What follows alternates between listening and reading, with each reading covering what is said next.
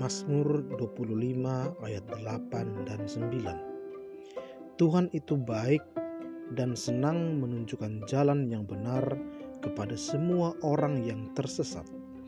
Ia akan mengajarkan cara-cara yang benar dan yang terbaik kepada orang-orang yang dengan rendah hati datang kepadanya.